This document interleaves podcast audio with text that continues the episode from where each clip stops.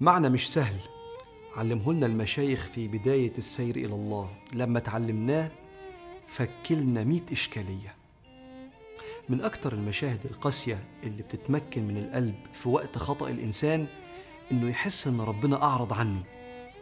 وأصبح الإنسان حاسس إنه ملوش مكان في رحمة ربنا. ولا إن ربنا أراد إنه يكون معاه في الدنيا ولا من جيران النبي في الجنة في الآخرة. معنى قاسي جدا بيصيب القلب لما الإنسان بيعصي والسبب الرئيسي في الشعور ده هو خلل في واحد من أهم مفاهيم السير إلى الله سؤال هو أنت معتمد على إيه وأنت ماشي في طريقك لربنا؟ معتمد على عملك ولا معتمد على الله سبحانه وتعالى؟ هل كلما زادت طاعتك بتشعر بالأمان؟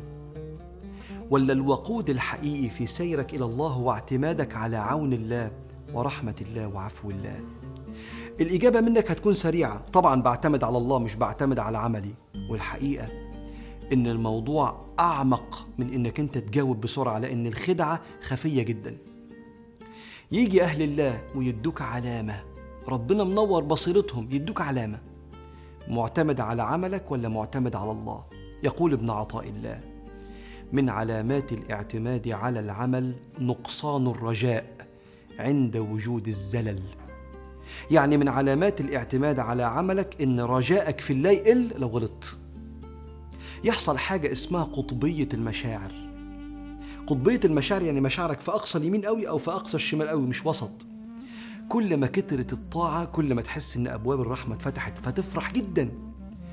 وكل ما أخطأت تحس إن أبواب الرحمة اتقفلت بسبب خطأك فتحزن وتيأس من رحمة الله. دي من علامات الاعتماد على العمل.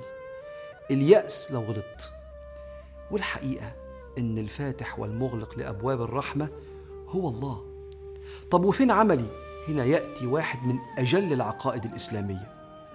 أي عمل ربنا بيطلبه منك هو سبب أنت بتعمله لنتيجة الله بيخلقها. فالله بيخلق الشفاء لما أنت بتاخد الدواء. الله بيخلق الرزق لما أنت بتسعى. الله سبحانه وتعالى بإيده الجزاء لما أنت بتعمل. فممكن الله سبحانه وتعالى يرحمك حتى لو ما عملتش.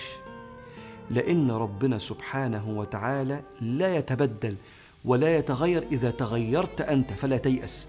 مش جاي أقول لكم ما تعملوش جاي أقول لك ما تيأسش لو غلطت.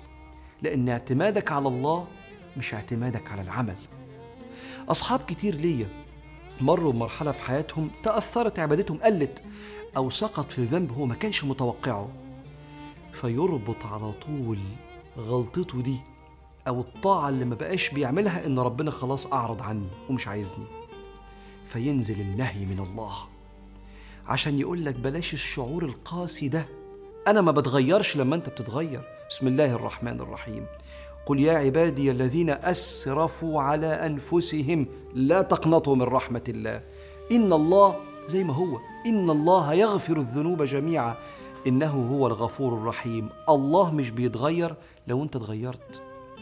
عشان في اللحظة دي تقوم من الكبوة بتاعتك ولا تكون فريسة للشيطان شيطان اليأس تعلق برحمة الله الدائمة التي وسعت جميع الذنوب وسعت الخلق جميعا ووسعت كل شيء. وربك اللي قربك امبارح قادر يقربك النهارده حتى لو انت عصيت. آية قل يا عبادي الذين أسرفوا على أنفسهم سيدنا عمر بن الخطاب كتبها في ورقة وبعتها لعياش بن أبي ربيعة. ده كان صحابي. جه يهاجر مع النبي أبو جهل قال له أمك حزينة إن أنت مسافر.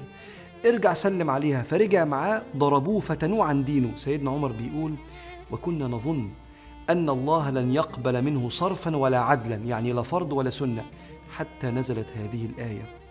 فأرسلها إلى عياش فأحيا الأمل في الله الذي لا يتغير إذا تغيرت أنت.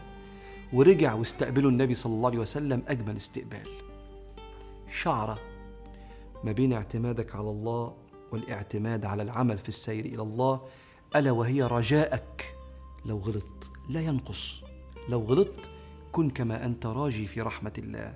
فرحمة الله ليست معتمدة على عملك. بل هي صفة لازمة في الله لا تتغير. فاللهم علقنا بك ولا تعلقنا بأعمالنا ويسر لنا العودة إليك مهما غرقنا في ذنوبنا.